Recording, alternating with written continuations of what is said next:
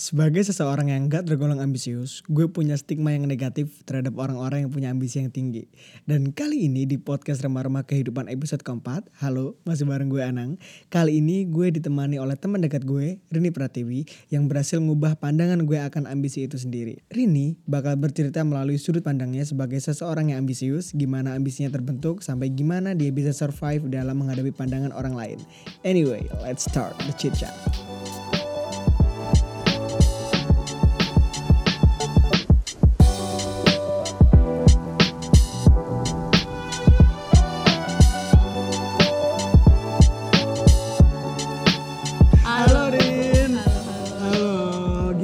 kabarnya Rin? Sehat? Alhamdulillah sehat. Lagi sibuk apa? Sibuk mempersiapkan masa depan lah ya Nang ya. Hmm, sedang bekerja di perusahaan yang kemarin lagi viral ya Rin? ya? Hmm, lagi viral nggak usah dibahas ntar sensitif Oh, masalahnya. iya, we're gonna we're not gonna talking about that thing. Dan kan balik lagi kita bakal ngomongin soal ambisi. Hmm. Ya Rin, lu tahu kan, gue adalah orang yang sangat tidak ambisius. Masa sih? Iya, eh seriusan gue sangat tidak ambisius dan uh, lu berhasil mengubah perspektif gue. Sekarang gue akan menanya nih, menurut lo ambisi itu apa? Ambisi itu adalah ketika gue em, memberikan 100% niat gue ke sana. Maksudnya kayak ketika gue pengen sesuatu gitu untuk memperoleh sesuatu yang kayak let's say target lah ya gitu loh. Kayak niat untuk memperoleh target itu that's ambition is gitu loh. Menurut gue ya. Karena kan ya balik lagi sih kayak yang lo tadi bilang gitu loh. Ambisi itu berhubungan dengan keinginan lah ya gitu. Jadi kayak menurut gue keinginan target ya sesuatu yang pengen gue capai lah setidaknya. Sesuatu yang pengen lu capai. Dan kayak menurut lu sendiri nih, seberapa penting atau how important the ambition itself? Gitu. It's really important ya for me. Why is that? Why is that? Eh, sebagai orang yang selalu dijudge sebagai orang yang ambisius banget sih lo jadi orang Hmm. gitu kan. Gitu kayak menurut gue itu penting ya. Layaknya kita bisa kita ibaratin gini aja. Eh, lo ketika pengen meraih sesuatu lo usaha tapi lo nggak ada niat it's Mm-hmm. nothing gitu. Sama gitu kayak lo kerjain semuanya tapi lo nggak ada target kayak ambisi gue gue harus begini nih gitu. Ya itu be nothing gak sih gitu Oke. maksud gue. Jadi kayak it's really important untuk setidaknya lo punya patokan lo harus gimana gitu. Menurut gue ambisi itu adalah uh, bisa dibilang jadi target bisa patokan juga jadi seenggaknya kayak ada parameter lah buat lo bertindak ke depannya kalau nggak ada ambisi it's nothing kalau menurut gue It's like dorongan gak sih sebenarnya? Iya, kayak- dorongan juga. Dorongan Karena kan juga ya. desire dari dalam diri lo gitu loh. Dari da- kan ka- ketika ada desire, lo bisa memutuskan gue harus sampai mana gitu loh. Gue harus punya target ini nih gitu. Karena kan nggak mungkin kan orang bisa mencapai itu semua tanpa adanya Ambisi. ambisi gitu loh. Berarti kayak ambisi itu kayak bahan bakar buat lu mencapai target sih, Yes, bisa gitu lah yeah. istilahnya gitu ya. Oke, dan kayak kan lu tadi tadi bilang kalau orang kenal lu sebagai seseorang yang sangat ambisius. Nah, Yeah. kayak can you explain like dari mana sifat ambisius lo tuh berasal atau terbentuk gitu, Rin? Sifat ambisius gue. Ah, Eh, itu dari gue kecil ya, dari orang tua gue. dari gitu. orang tua gue. Dari orang tua Lu, gue. kok gue? dari orang tua gue jadi kayak eh, ketika misalnya kan orang di umur kelas 2, kelas 3 SD tuh rata-rata udah pada ya udah main aja sama temen-temennya di misalnya ketika pulang sekolah biasanya jam berapa sih? Paling jam 1 Satu, udah maksimal jam satu. udah pulang kak. Nah di gue kelas 2 kelas 3 itu gue udah dibimbelin sama orang tua Ya Allah, gue. gue jam satu nonton unyil tau, nonton bolang ke sawah tau. kayak udah bimbel waktu itu. Karena kan waktu zaman gue dulu itu Inggris tuh udah dikenalin dari zaman kelas 1 ya. Ha-ha. mungkin di kelas 1 itu orang tua gue masih kayak nunda ya udahlah kelas 1 kan masih masih masa-masanya belajar baca belajar nulis even though zaman kelas 1 gue udah bisa baca gitu loh. Karena di TK udah diajarin gitu. Nah pas di kelas 2 itu udah mulailah sesi-sesi Inggris tuh udah mulai dikenalin lah tuh. Nyokap gue sama bokap gue ngeliat oh nih anak punya interest di bahasa Inggris gitu Oke. loh mulai dari situ mulai dibeliin buku-buku lah tuh tentang yang berbahasa Inggris kayak buku dongeng even lah apa segala macamnya terus dilesin les pertama gue tuh adalah les bahasa Inggris gitu. Kelas 3. kelas 2 Kelas 2. kelas Oke.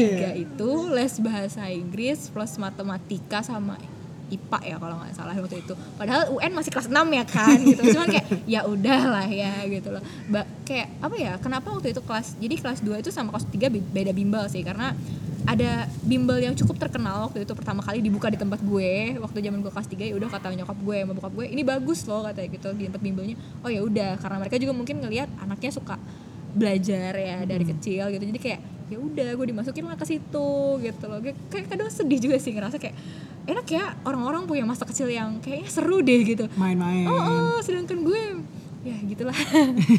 Tapi tapi setidaknya itu memberikan dampak yang positif juga buat gue sekarang sih seenggaknya ya. Kayak kalau orang tua gue nggak seambis itu mungkin gue nggak bisa dapet apa yang gue capai sekarang nggak sih setidaknya gitu. Oh, jadi kayak eh, bisa dibilang kalau seumpamanya ambisi lo, sifat ambisius lo tuh ter- terbentuk karena itu observasi orang tua lo dulu lo kecilnya eh, interest terhadap belajar gitu dalam belajar Iya. bahasa Inggris itu. Nah, gitu. dan yang lebih lucunya lagi pas waktu kelas ya SD lah ya, zaman-zaman SD standarnya. Hmm. Gue tuh tipe yang nggak bisa berbagi sama orang gitu. Apalagi dalam hal pelajaran gitu loh. Minjemin catatan big no gitu loh. Bahkan nih di pas ujian enggak. enggak, karena menurut gue Temen yang paling menyebelin dulu.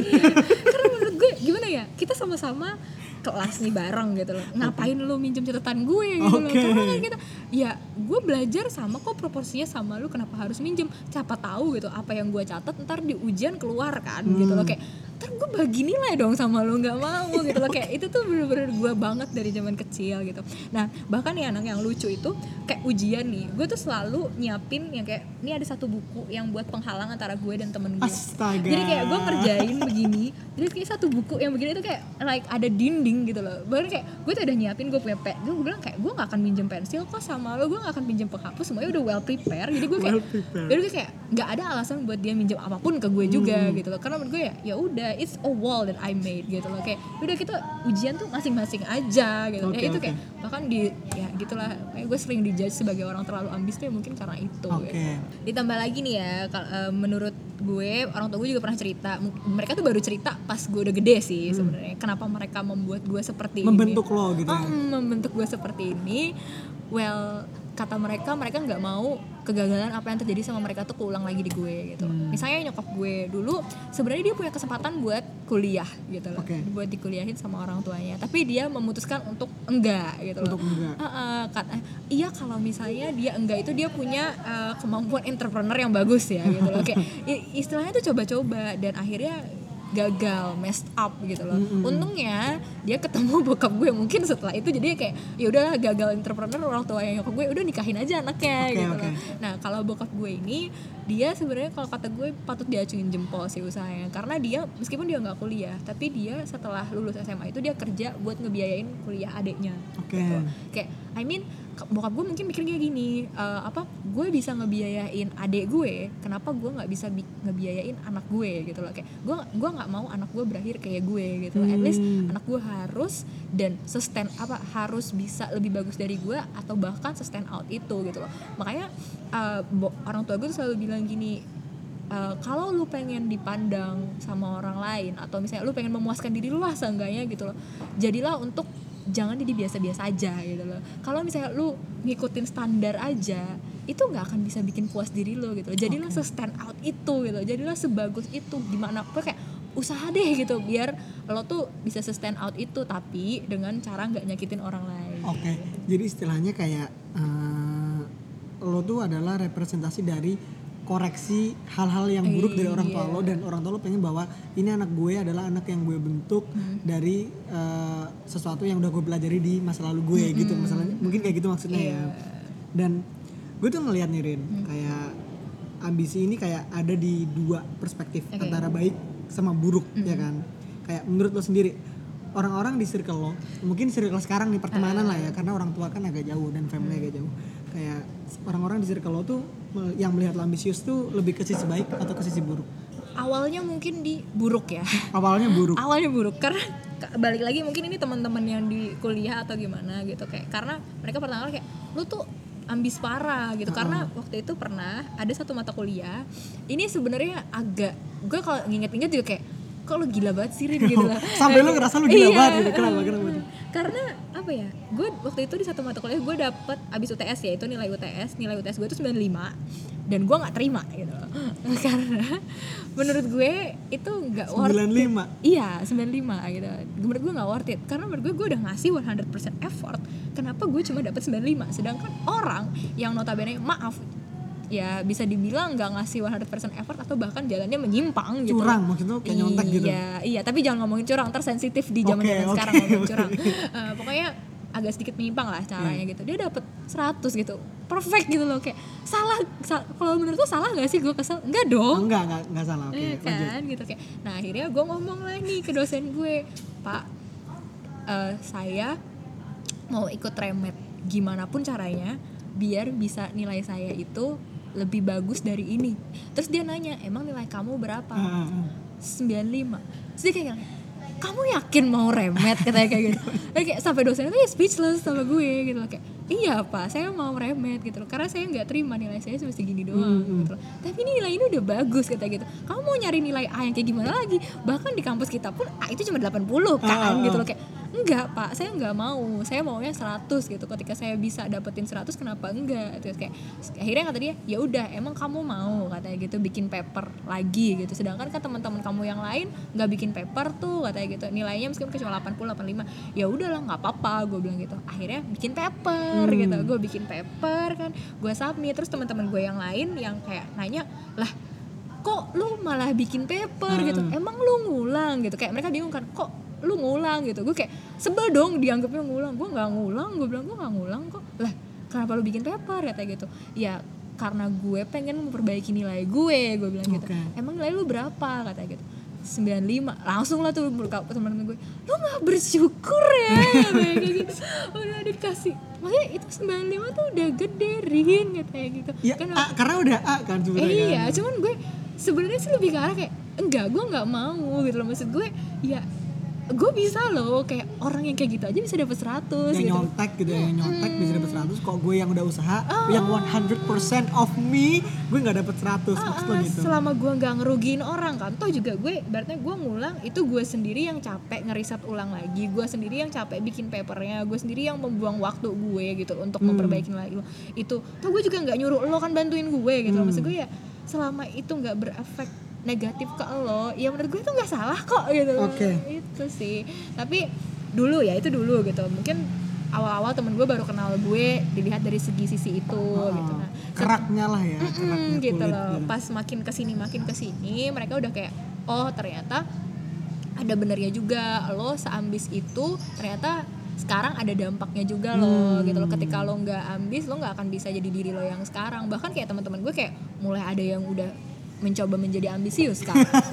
jadi kayak terinfluence ya? iya ternyata wah influence gue lumayan juga.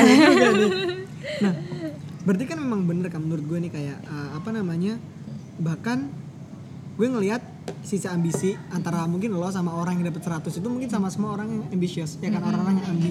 Tapi uh, ditempuh dengan dua cara yang berbeda. Lo berusaha 100% dengan cara lo sendiri which is sebenarnya itu good kan? Dan sedangkan orang yang satunya ngerasa bahwa uh, dia juga ambisius tapi dengan cara yang nggak benar gitu kan? Tapi dua orang ini uh, menurut gue nih ya dari luar lu sama orang itu yang sama-sama ambi itu dipandang negatif. Padahal lu tidak sebenarnya kan lu nggak sebenarnya lu nggak kayak nggak melakukan satu kesalahan kan? Sebenarnya karena lu cuma sekedar ingin gue ingin kerja keras gue 100 kerja keras 100% gue dihargai gitu kan. Dan dengan dengan hasil yang pantas gitu kan.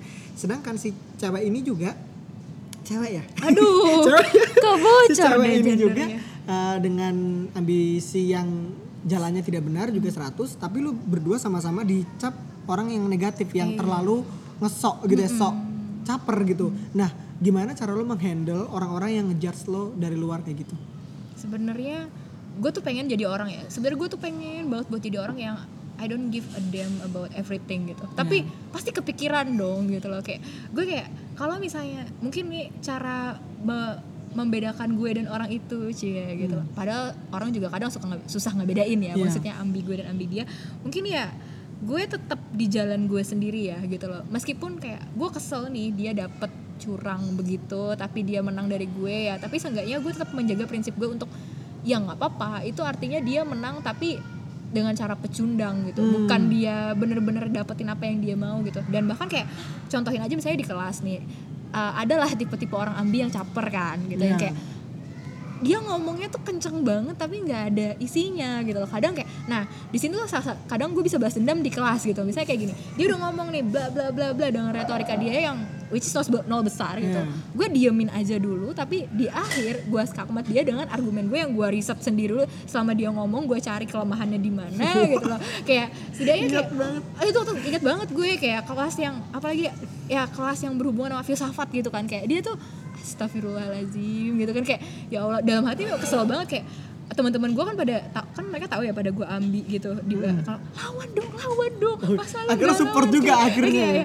lawan dong masa lo nggak ini sih gue kayak nggak ah nggak ntar aja gitu lebih baik gini loh lebih baik lo menunda kemenangan daripada ibaratnya lo saat itu juga bertindak tapi sama begonya sama dia Oke. gitu loh. Kayak kayak jadi kayak mending gue diem dulu gitu gue kumpulin semuanya. Ketika gue ngomong sekali aja gue ngomong gitu loh tapi itu ngebabat semuanya ya it would be a nice victory for me gitu loh. Hmm. Tuh di kelas pernah banget waktu itu dia kayak uh, ketika dosen uh, ngasih tahu menurut kamu ini artinya apa? Dan gue tuh inget banget nang dia tuh nge-google nge-google buat kejawabnya gue kayak like what? gitu loh. Lu sampai pengen segitunya? gitu loh kayak oke eh, gitu. Gue kayak oke udah biar aja dia nge-google. Dan kayak tapi si dosen ini mungkin tahu kali ya. Dia jawaban nge-google tuh karena kan bahasanya ketahuan, gitu. Kayak Ketahuan. akhirnya dilempar lah tuh. Kira-kira ada opini lain gak gitu? Ya gue dengan kesotoyan gue juga sih mungkin ya ini ya kesotoyan gue dan gue kayak gue bilang menganalisa dia tadi ya gue jawab. Dan ternyata jawaban gue yang bener gue kayak oke Oke. dude I win gitu. Kayak gitu sih paling.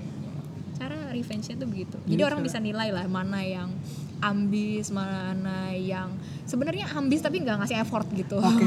Jadi gue nangkepnya gini nih, kayak dipandang buruk dia itu kayak sebagai salah satu konsekuensi dari menjadi seorang yang ambitious. Ya kan ya sebenarnya mau gimana juga lo mau nger- ngerjain apa pun pasti bakal ada orang yang gak suka, pasti gitu kan. Iya, namanya hidup ya. Gini, eh, lu ngerasa berat gak sih karena gini Rin? Kayak orang-orang yang ngelihat lu dari luar pasti bakal kayak ngerasa lu sama aja kayak orang-orang yang ngelakuin kecurangan itu untuk mencapai ambisinya. Nah, nah, sedangkan eh, ketika orang udah kenal lu kayak apa namanya pada akhirnya orang tahu bahwa oh alah sebenarnya lu tuh nggak nggak beda tipe ambisi yang berbeda dengan orang-orang yang kayak gitu gitu kan. Eh, kayak gue kan pertama kenal lu nih kayak sebagai orang yang aduh ini orang ambisi banget nih kayak apa namanya dapat nilai segitu nggak puas gitu kan. Sering banget kayak apa namanya mencoba untuk menjadi yang perfect gitu kan. Gue di awal dulu ngerasa lo kayak gitu nah tapi kan pada akhirnya ketika gue kenal lu kayak gue dig deeper yourself gitu gue ngerasa bahwa, pada akhirnya oh ternyata uh, yang lu lakuin itu bukan sesuatu hal yang salah gitu kan. Dan lu sendiri akhirnya menerima nggak konsekuensi itu bahwa pada akhirnya orang bakal kenal lu dari luar sebagai orang yang pada akhirnya orang yang egois gitu. Kecuali saat orang itu udah kenal lo lebih dalam gitu lo nerima konsekuensi itu nggak menurut lo? nerima banget sih sebenarnya. Apalagi gue gue nggak cuma dari kuliah doang dicap kayak gitu gitu loh. Bahkan dari zaman SD SMP SMA tuh udah udah kenyang lah gue dibilang terlalu ambis egois gitu. Bahkan menurut gue ya skala gue tuh yang kuliah nih ambisnya udah kurang loh dibanding gue zaman zaman SMP SD yang menurut gue itu udah parah banget gitu loh kayak sampai segitunya gitu loh. Karena pernah nih ya nang zaman SMA itu mungkin karena peralihan dari SMP ke SMA ya Ah. gue SMA tuh nggak sempet kayak nggak hampir nggak punya temen Mm-mm. karena gue nya nyebelin gitu loh tapi dari situ tuh gue gara-gara ngasih tuh ya buku yes. di sampingnya tuh emang Uh-uh. nyebelin banget gara-gara ngasih buku itu terus kayak gue kan kayak ya namanya juga zaman SMA kan orang-orang udah pada mulai kayak kebiasa buat uh, kenapa sih lo pelit banget cuman buat ngasih pinjaman catatan aja nggak mau ngajarin aja nggak mau Iya, iya, iya. kayak gitu-gitu gue kayak ngerasa oh mungkin sekarang waktunya buat gue berubah gitu loh. Karena apa ya gue juga nggak mau dikucilin gitu loh. Kayak satu sisi kenapa juga makhluk sosial ya gitu loh. Kayak lu Akhirnya. lu ambis tapi jangan indif banget gitu loh. Oke. jangan indif jangan egois banget gitu. Gue kayak akhirnya gue mulai lah tuh membuka diri dengan kayak ya udah ketika teman-teman gue nanya ya gue apa namanya ngasih bantuan gitu. Kayak misalnya let's say dulu kan zaman SMA gue sukanya di matematika sama Inggris ya lebih ke arah yang pokoknya yang eksak gitu dan juga Inggris juga. Jadi kayak teman-teman gue nanya ke gue gitu. Jadi gue bilang gini oke gue bakalan bantuin buat ngajarin lo tapi kalau untuk soal ngerjain tugas sama apa namanya ujian jangan harap lo yang nanya ke gue Oke. gue bilang kayak gitu. Kayak akhirnya mulai dari situ lah gue kayak melunak lah diri gue dan nggak terlalu seambis yang hardcore itu gitu. Ambis tetap ambis cuman kayak ya seenggaknya diimbangi dengan kehidupan sosial lah Oke, ya berarti mungkin gue bisa simpulin bahwa uh, egois kan sebenarnya sama hampir mirip dengan greed atau serakah ya. Iya. Nah berarti sebenarnya cara lo untuk membedakan membedakan antara ambisi dan serakah adalah dengan lo menjadi orang yang bersosial. Iya, Salah satunya gitu. Itu dan juga kalau gue menurut gue ya bedainnya gini. Dulu mungkin bisa dibilang ambis gue yang zaman SMP, SD itu ambis yang ke arah grit. Karena gini, ketika gue nggak dapet kan gue pernah ya eh, zaman dulu itu SMP gue nggak jadi juara kelas sekali gitu. loh.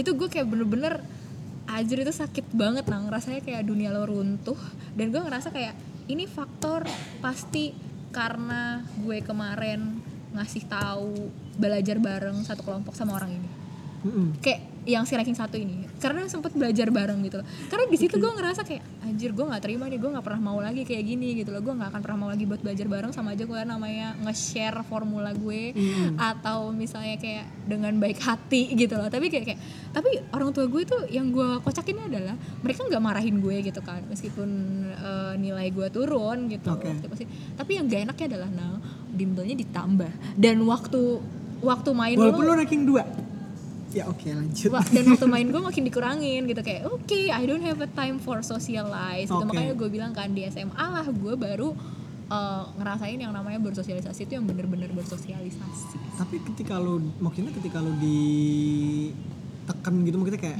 orang tua lo sebenarnya nggak ngasih lo konsekuensi apa-apa. Hmm. Cuman ketika mereka tahu bahwa lo turun dan lo di kayak dipaksa untuk lebih lagi, Hmm. itu sebenarnya lo menikmati atau sebenarnya lo ada perasaan untuk mengeluh gitu gak sih? sebenarnya gue tuh sempat mikir gini kenapa nggak diomelin aja sih daripada begini gitu Ka- karena gue kalau gue dikasih begini gitu maksudnya kayak kalau gue diomelin seenggaknya gue bisa introspeksi apa yang harus gue lakuin kan kalau kayak gitu gue jadi bingung mereka maunya apa Oke. parameter mereka bisa bi- para parameter gue bisa bikin bangga mereka tuh apa gitu loh karena gue kayak kenapa nggak lo omelin aja sih gitu loh. Kenapa kamu lagi ginian turun bla bla bla. Gue lebih terima buat kayak gitu gitu loh. Tapi dengan cara mereka yang kayak gitu jujur sempet gue kayak kecewa gitu loh. Kayak ini maksudnya apa? Gitu. Apa menurut mereka gue bego atau gimana gitu. Oke. jadi gue kayak ya udah. Tapi ya tapi gue balik lagi kan mikir oh mungkin ya mereka biar guanya juga uh, puas ya sama diri gue sendiri. Karena emang bener ya nang pas waktu itu gue ranking turun itu gue ngurung diri gue di kamar. Anak kelas 2 SMP drama banget ya hidupnya gitu.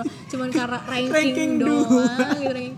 kayak ranking 2. terus kayak ngurung diri gue kayak aduh kayak bener-bener dong kayak punya masa apa nggak punya pandangan hidup gitu loh. Gue kayak aduh kok gue bego banget ya bisa-bisa gue dapet ranking 2 padahal gue mikir sekarang kayak ranking 2 tuh nggak buruk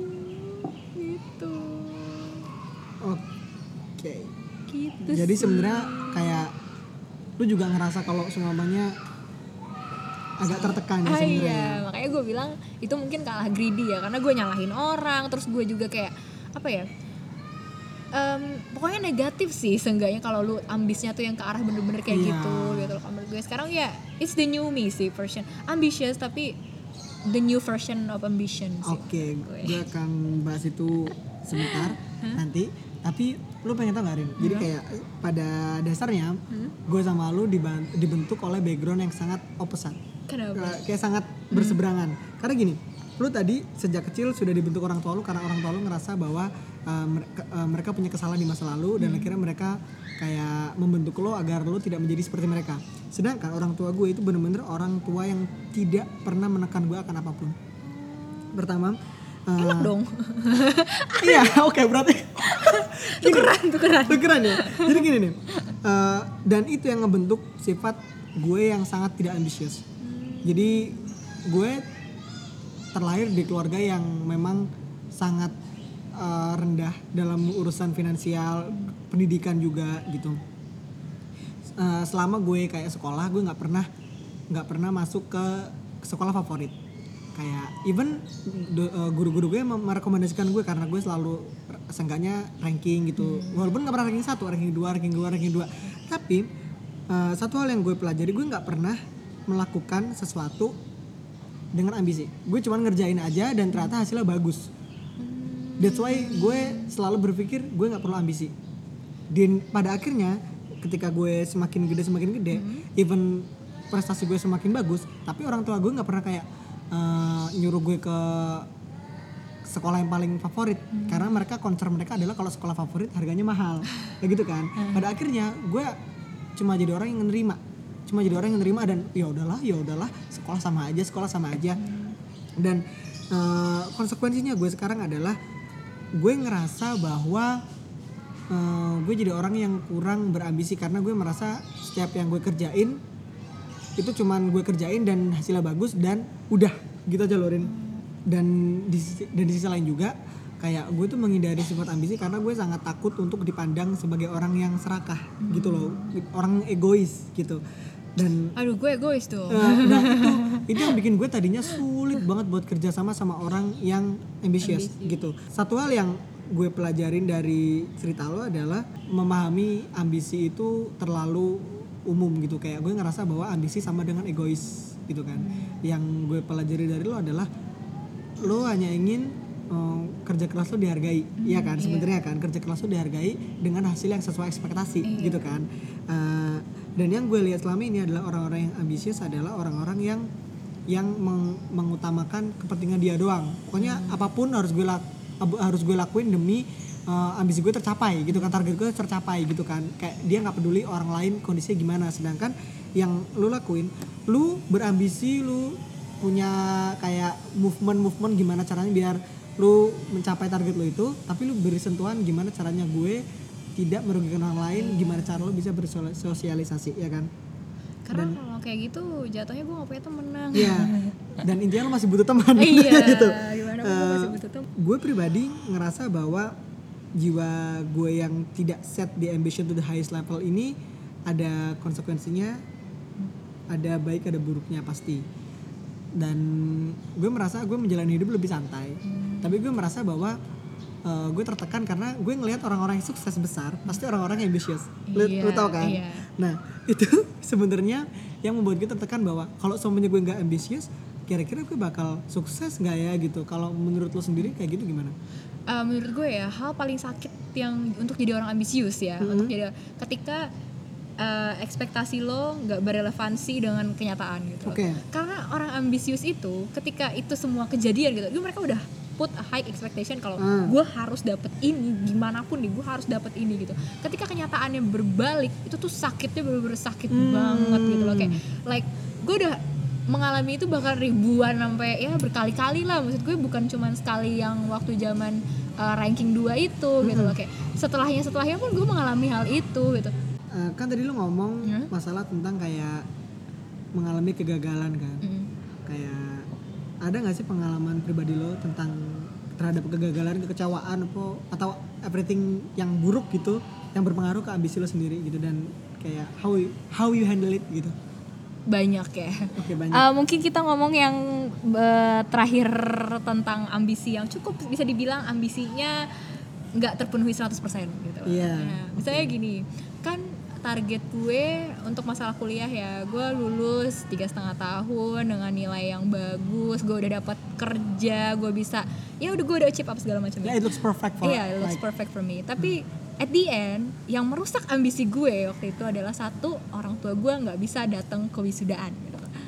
Padahal itu adalah Momen gue untuk Membuktikan. Mm-mm, ngasih tahu ke mereka gitu kalau ini loh anak lo udah bisa achieve tiga setengah tahun ngasih opening apa ngasih speech di wisuda gitu loh terus kayak Dapat udah kerja. kerja gitu kayak tapi they wouldn't be there gitu loh. Maksud gue kayak ya kan lo sebagai salah satu orang yang juga dapat privilege PIP zaman wisuda kan kayak cia rasanya enak dong ngasih kayak ih orang tua gue duduk di bangku itu gitu loh. Kayak gue kayak feels like waktu itu gue ngerasa kayak se- mereka ngasih tahu gue itu setengah bulan sebelum gue wisuda.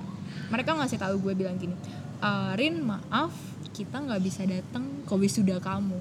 Like lo tau jadi gue gimana sih kayak ini semua udah gue bangun semua buat lo gitu loh. Tapi lo nggak bisa datang padahal itu cuma final touch doang. Kayak gue kayak anjir lah gitu loh. Kayak terus kayak gue ngomong gini beneran nggak bisa datang gitu. Iya gitu karena suatu kondisi keadaan nyokap tuh gue nyokap gue sakit kan jadi nggak bisa datang juga gitu. Bokap gue juga kayak ya mau gimana? gitu. Kalau dibawa juga emang kamu mau? gitu. Konsekuensinya nyokap ya, mama kamu bakalan kayak gimana Oh, gitu segala oke. macamnya. Terus gue kayak bener-bener sampai sesedih itu. Gue kayak sempet pengen mutusin. Akhirnya itu sempet bener-bener mutusin kayak yaudahlah nggak usah ikut wisuda aja gitu. Ah. kayak yaudahlah nggak usah ikut wisuda aja biarin aja gitu. Ngambil ijazah aja ntar gitu.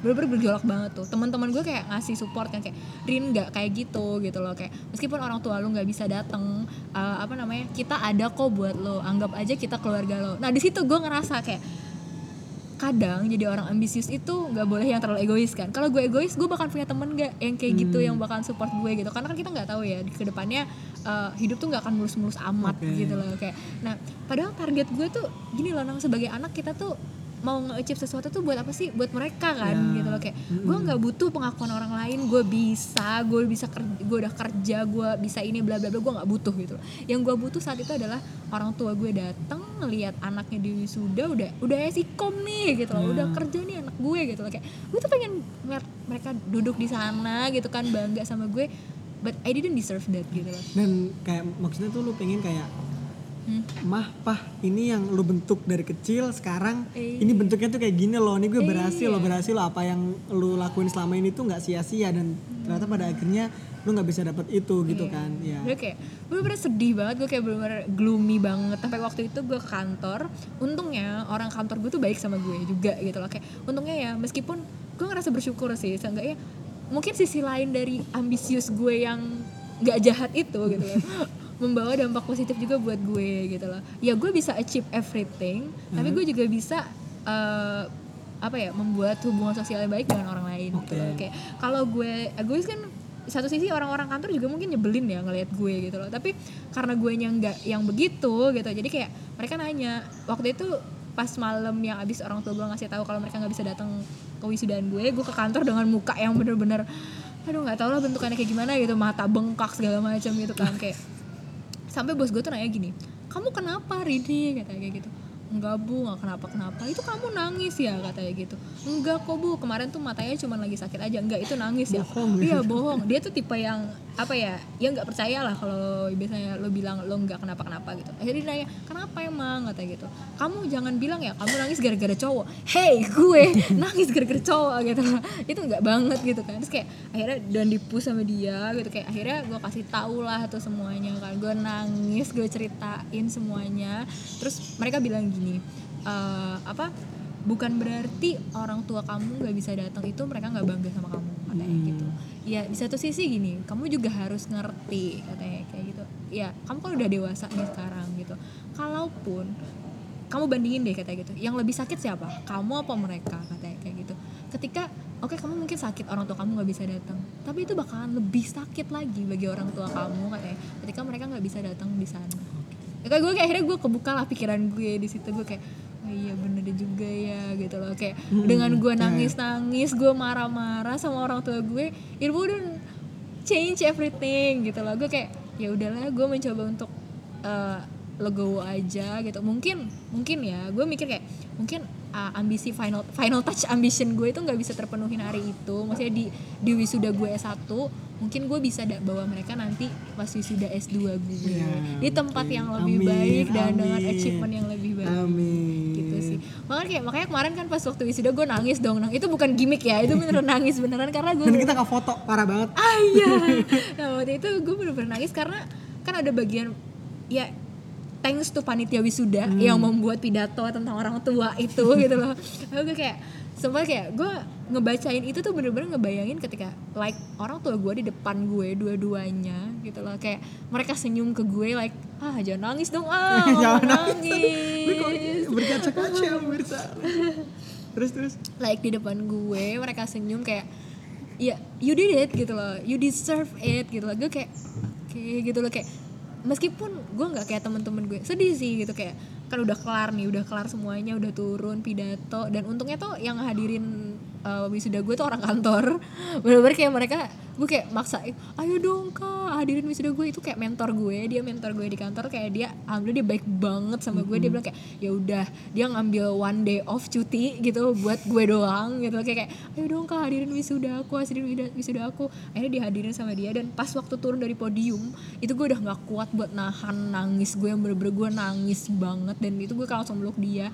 Gue kayak ngebayangin gimana rasanya ya? Gitu loh. Gue pengen banget gue pengen banget yang meluk gue di situ tuh orang tua gue Hmm. gitu loh kayak. Tapi ya somehow itu yang harus kita sadarin ya sebagai orang ambisius kalau um, ketika itu semua nggak sesuai ya lu tuh adalah orang yang paling sakit di dunia, di dunia ini untuk menerima itu semua Oke. gitu loh. Tapi balik lagi dengan hal itu semua lu bakalan jadi gimana ya satu sisi itu emang sakit tapi satu sisi itu bakalan memberikan pelajaran yang besar banget buat gue gitu loh. Kayak lu boleh nge-set up target yang tinggi tapi lu juga harus siap kalau bakalan lu dijatuhin sejatuh-jatuhnya meskipun itu karena final touch gitu jadi kayak ya sebagus apa pun lu bentuknya gitu loh ketika ya emang itu nggak meant to be perfect ya lu harus bisa terima gitu loh lu lu misalnya gini lu punya target Oke. tapi di satu sisi lu juga harus ingat kalau target lu tuh ada dua kemungkinan lu bisa berhasil atau enggak Oke. gitu jadi kayak ya mungkin dari situ gue bisa belajar kalau nggak semua apa yang gue pengen itu bisa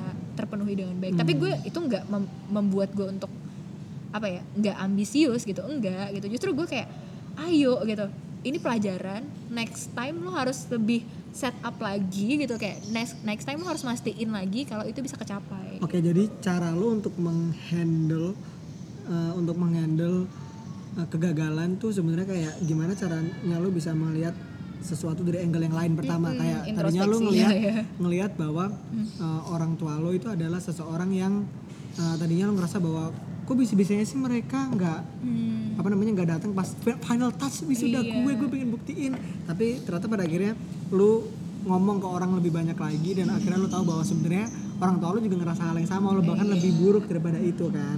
Terus yang kedua lu juga eh, cara lu menghandle adalah lu punya teman-teman yang support lu ya kan Nah, di sini nang yang gue senengnya pertama kali dalam sejarah ya gitu loh. Orang tua gue kan akhirnya bikin dulu nih uh, segimanapun pencapaian gue, ya udah gitu loh. Mereka kayak what's next gak nggak cerita sama orang kayak anak gue begini begini begini begini nih enggak gitu loh. Tapi dengan mereka nggak datang ke wisuda ini, first time mereka pertama kalinya bilang mereka bangga sama gue. Pertama kalinya Iya, sebelumnya mereka nggak pernah bilang itu sama gue gitu loh. Kayak gue kayak ya mungkin I didn't deserve their attendance gitu loh, tapi I deserve they say they proud of me gitu loh. Kayak untuk dan pertama kalinya dalam hidup lo selama 20 21 tahun. tahun.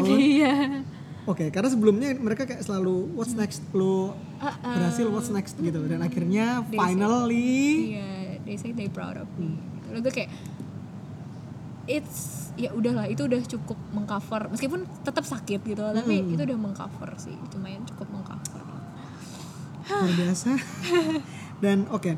Berarti tadi gue udah ceritakan kalau soalnya gue adalah uh, kita kayak move ke next topik sedikit. Hah? kayak gue tadi udah cerita bahwa gue adalah orang yang uh, less of ambition ya kan? Dan lu sendiri ngerasa orang-orang kayak gue ini kayak gimana menurut lo? Kan gue tadi sebenarnya agak bimbang. Oh gue gak punya ambisi ya takutnya gue nggak sukses nih. Heeh. nah kayak menurut lo sendiri orang-orang yang less of ambition itu gimana gitu? Jujur gue sebenarnya cukup kesel ya sama orang-orang kayak gitu. Karena gini lu punya kesempatan. Lu gini loh lu punya kesempatan untuk buat nge-set up diri lo punya dorongan buat berprestasi gitu. Tapi lu kayak ya udahlah yang penting segini-gini aja cukup. Bukan cuma lo doang sih teman-teman gue juga ada yang kayak gitu Hmm. gitu loh. Kayak gue kayak kadang suka kesel. Misalnya contohnya ketika kita udah lulus gini aja deh namanya quarter life crisis lu tahu kan? Ketika lo udah lulus abis wisuda lu ngapain nih? Nyari kerja kan Oke. gitu nah teman-teman gue ada sebagian yang mungkin eh, apa mereka mereka nyari kerja tapi mereka nggak kayak tipe yang nggak jor-joran kayak gue gitu loh ya. Maksudnya yang kayak lu cari kerja tuh yang bener-bener harus dung dung dung dung harus semuanya gue iniin gitu loh. Kalau mereka tuh ya udahlah yang penting dapat gitu. Nah sebelumnya yang pas zaman zaman gue magang itu gue selalu nge-encourage gimana ya sebenarnya gue kesel sama sifat mereka gitu. Tapi nggak mungkin dong gue bilang lu tuh nggak punya ambisi gini gini gini sama aja gue ngejatuhin orang bener-bener. gitu itu nggak bikin mereka buat bersemangat untuk meraih apa yang mereka pengenin Ya. gitu loh nah akhirnya dengan cara gue gitu gue kayak nge-share lah di, di- bahkan mungkin teman-teman gue ada sedikit muak dengan gue yang nge-share share job apa ya, kayak job yang apa lowongan-lowongan gitu. Hmm. gue bilang ya udah nih ada lowongan magang di sini nih intern di sini nih cobain ya gini gini gini gini. Ya lu uh, kan bentar lagi kita wisuda nih nih ada lowongan di sini. Gue ngasih tahu kalau bedanya kalau lu nggak intern sama lu nanti intern buat ke depannya gimana kayak berkoar lah tuh gue tentang kerjaan Hmm. tentang apa segala macam di grup. Gue bodo amat gak di notice apa gimana. Yang penting gue kayak biar ayo dong kita mulai bareng-bareng harus sukses bareng-bareng gitu loh. Hmm. kayak gue kayak gue nggak mau ngeliat teman-teman gue tertinggal gitu loh. Makanya mulai dari situ akhirnya adalah beberapa yang cukup terpacu. Ada yang intern juga temen gue gitu. Pasti masa seneng dong lu gitu. Awalnya yang apa ya ada temen lo yang ikut ik- ikut juga terpacu karena lo apa ya nge-encourage mereka gitu. Dan sekarang mereka kayak udah semangat buat apply apply kerjaan juga gitu loh. Gue kayak ngerasa seneng gitu loh. Gue kayak uh, meskipun gue nggak terlalu suka dengan sifat non ambisius mereka gitu it doesn't matter gue harus nge-hate mereka dengan ngata-ngatain mereka enggak kalau menurut gue satu-satunya cara adalah lu bantu mereka untuk bisa berambisi sama kayak lu gitu Oke. dengan cara kasih apa pun itu caranya misalnya kayak dengan cara yang gue bilang tadi kayak nge-share nge-blast lowongan kerja ataupun gue kayak kayak gini loh teman-teman kalau misalnya kalian gak begini begini begini gue cuma mau ngasih tahu aja ya meskipun menurut mereka apaan sih nih orang ngegangguin banget gini gini Oke. gini, gini. tapi it works. Intinya kayak lu ngasih uh, lu nggak bisa sebenarnya ngubah orang untuk jadi ambisius tapi lu bisa ngasih mereka ngasih kesempatan buat mereka untuk lebih berkembang lagi Iya. gitu kan. Uh, oke ini mungkin udah mulai ke akhir-akhir kayak menurut lu ada nggak pesan-pesan buat orang-orang yang ambisius yang menurut lo kayak gimana caranya biar orang-orang ini tidak terlalu dipandang buruk secara general aja kayak gimana caranya uh, lu bisa memperbaiki citra dari orang ambisius itu sendiri kayak ada nggak pesan-pesan buat lo gitu Oke, kalau menurut gue ya, to the all the people out there that have same ambition like mine Hmm. gitu. uh, menurut gue gini, ketika lu punya ambisi, barengilah dengan 100% effort gitu. oke Jadi kayak gini, kan kadang kadang ada orang yang ambisius ketika hasilnya tuh nggak sama apa yang dia pengenin, justru kayak marah-marah lah, nyalahin orang lah, apa Oke, segala macam kayak oke. gitu. Itu kan kadang ambis yang ngerusak citra orang ambisius itu kan yang kayak gitu ya, yang kayak apa mereka nggak terima kenyataan gitu loh. Kayak ketika reality itu nggak sesuai sama yang mereka yang mau. Kalau menurut gue, terima aja realitanya ketika ekspektasi lo itu nggak sesuai. Karena apa? Mungkin lo nggak naruh 100% effort di sana gitu. Jadi jadi lo nggak perlu menyesali kayak lo nggak perlu lo nggak perlu kayak ngerasa ini tuh salah banget gitu. Oke. Gue ambisius tapi kok hasilnya begini gitu loh. Itu salah menurut gue gini. eh, lo nggak perlu menyesali itu semua. Ya lo harus cuman kayak introspeksi kemarin tuh gue ngapain aja sih gitu loh. Kalau gue nggak ngasih 100% effort lu nggak boleh marah gitu loh ketika Oke. orang lain deserve that more than you gitu loh kecuali kalau emang lu ngasih 100% percent effort tapi orang lain malah uh, yang lebih tinggi di atas lu tuh melakukan kecurangan mungkin lu boleh marah Boleh nuntut eh, iya gitu, boleh oke. nuntut gitu loh cuman kalau misalnya kita sama-sama fair gitu-gitu ya menurut gue ya uh, lo boleh ambisius tapi lo nggak boleh nyalahin orang lain dan juga lo nggak boleh nyalahin diri lo sendiri gitu Oke. kayak like apa yang gue lakuin sebelumnya gitu ya mungkin itu sih uh, buat jadi apa memperbaiki citra seorang ambisius lo boleh set up lo punya lo, lo boleh set up hak apa target lo setinggi mungkin lo boleh punya desire segede apa pun itu tapi lo harus inget kalau lo harus kasih 100% effort dan lo nggak boleh nyalahin orang lain dan lo nggak boleh mencelakai orang lain dengan ambisi lo. Dan yang terakhir adalah lo harus siap menerima kenyataan bahwa ketika kenyataan itu pahit nggak sama kayak ekspektasi lo. Udah itu doang. Dan bagi lo sebagai orang yang ambisius, yang biasanya dikenal sebagai orang yang egois, eh, menurut lo seberapa penting buat lo eh, circle pertemanan, support system dan hal-hal yang menyangkut emosional kayak gitu? Menurut gue penting banget ya apalagi kan gue uh, seorang ambisius anak aman anak plus anak rantau yang nggak punya keluarga di sini Hmm. gitu loh jadi kayak support system gue sahabat-sahabat gue gitu di sini gitu pertemanan karena gini loh kalau lo nggak punya temen ya yang kayak gue bilang tadi gue nggak akan bisa tenang menjalani wisuda itu gitu Hmm. kalau nggak ada mereka gue nggak bisa kuat nang gitu loh kayak se- sebagus apa pun pencapaian gue itu bakalan berasa nol nggak ada orang yang bisa lo ajak buat merayakan pencapaian lo Oke, gini, oke, gini. Kayak menurut lo Rin, menurut lo kayak di masa depan kita kan manusia biasa ya. Kayak kita, kayak lo bilang tadi kita nggak bisa predik apa pun kan. Akankah ada kesempatan lo sebagai orang ambisius, lo akan berpikir bahwa kayaknya emang gue bisanya segini deh, Hmm, dan gue memang harus berhenti. gini ya menurut gue uh, ambisi itu bukan berarti uh, lo lo pengen nge, set up sesuatu kayak desire lo tuh gede banget tapi Oke. bukan berarti itu maksudnya secara yang cepat maksudnya secara maksudnya ya, uh, mungkin bakalan kecapai tapi pada suatu waktu yang tepat mungkin Oke, ya oke. tapi yang, yang namanya rasa jenuh yang lo bilang itu pasti bakal ada tam- sampai orang di di titik rasa jenuh yang kayak Oke. gue udah sering banget nih misalnya kayak ketika keadaannya udah maksudnya kayak keadaannya nggak mendukung ya mungkin bakalan berhenti sejenak tuh mungkin tapi bukan berarti gue berhenti total Oke. Kayak gitu loh jadi kayak gue mungkin kayak oke ini jalannya mandek nih di sini gitu loh ya gue harus dan gimana pun caranya nyari jalan lain tapi seenggaknya gue take a deep breath dulu gitu kayak evaluasi oke ini salahnya di mana cari jalan lain jangan langsung kayak diem kayak nggak sampai sini aja selama kita masih punya umur selama kita masih punya waktu menurut gue nggak ada istilah sampai sini aja Berarti putus asa is not your thing. Yes. Oke, that's right. jujur nih ya nang side effectnya dari cewek ambis ya ini terutama sebagai cewek ya Hmm. gitu loh kayak orang-orang tuh bilang kayak bisa nggak sih lu tuh jadi cewek jangan terlalu ambis banget ter gak ada cowok yang mau sama lo Hmm. gitu loh karena cowok tuh katanya katanya gitu tipe dominan yang nggak mau ceweknya nih yang lebih dominan yang maksudnya yang kayak tipe terlalu ambisius tuh nggak banget lah bagi Ah. cowok gitu nah menurut lu nih sebagai cowok jadi sekarang gue kan yang ngambil alih podcast lo gitu kan Eh, menurut lo sebagai cowok gimana sih mandang cewek yang ambis tuh Oke.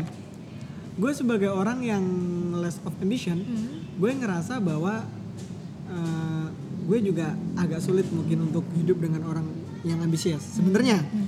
Tapi gue tahu bahwa selalu ada bagian yang tepat untuk orang yang tepat. Kita kayak gini, Hmm. mau gimana pun lo, pasti ada pasangan yang tepat yang bakal terima lo mau gimana pun ya gak sih? Kayak eh, gue ngelihat banyak banget eh, orang-orang yang dua pasangan yang sangat ambisius dan mereka bisa mencapai hidup mereka dengan bagus gitu, mereka dengan baik dengan pokoknya semuanya jadi sukses lah ya sukses gede gitu. Dan menurut gue, gue sebenarnya nggak akan terintimidasi oleh cewek-cewek yang ambisius. Karena gue ngerasa bahwa mau gimana pun apa pun itu tuh kayak udah ditentuin lah udah rezekinya tuh ada gitu rezekinya ada. Dan kesempatan tuh pasti eh, kalau semuanya lu ngambil kesempatan itu ya lu bisa berhasil sama-sama sukses gitu kan. Dan gue pribadi eh, tapi walaupun gue merasa tidak terintimidasi dengan orang cewek-cewek yang ambisius gue tetap bu- mungkin bukan orang yang bisa hidup dengan orang-orang yang ambisius karena gue sendiri orangnya sulit untuk berambisi mungkin kayak gitu Eh, itu sih Rin kalau gue gitu Cia. Dan- dari seorang bapak Dokter Bapak Anang. Jadi podcast ini ditutup oleh pertanyaan Rini dan jawaban gue yang agak terlalu terbata-bata karena tidak disiapkan jawaban ini loh. Terima kasih ya Ibu Asisten Septi yang sudah memberikan pertanyaan yang cukup sulit ini ya. Cukup sulit. sedih Eh, loh sebagai wanita dicap seperti itu Terima kasih Rin sudah datang di sudah mau berbicara berdiskusi di podcast remah-remah kehidupan. Gue merasa sangat bersyukur gue kenal sama lo. Lo bakal ke Kalimantan ya Iya. bulan depan. Ya ampun, balik bakal kampung ya. em, bakal ketemu dua tahun nih Iya, kita wow. Dan eh, terima kasih untuk mengubah pandangan gue terhadap orang-orang yang ambisius. Hmm. Eh, omongan gue tadi ini, pertanyaan gue tadi itu adalah representasi gue sebagai manusia yang sebelumnya yang gue berpikir bahwa ambisi itu hal yang buruk. Dan tapi sekarang eh, gue sudah tidak berpikir seperti itu lagi berkat lo. Terima kasih. Gue juga merasa terhormat nih diundang di podcast remah-remah kehidupan Terima ya sebenarnya bukan remah-remah gitu kan. Terima kasih Uh, dan mungkin untuk teman-teman yang ingin bertanya untuk ingin memberikan topik diskusi lagi bisa email aku di hello@anangfilia.com atau di DM Instagram Anangfilia. Selebgram ya, Bapak? Ya? Selebgram nangis gak? Dan uh, kita bakal ketemu lagi di episode kelima Insya Allah minggu depan. Dan see ya dadah. Makasih Rin. Dadah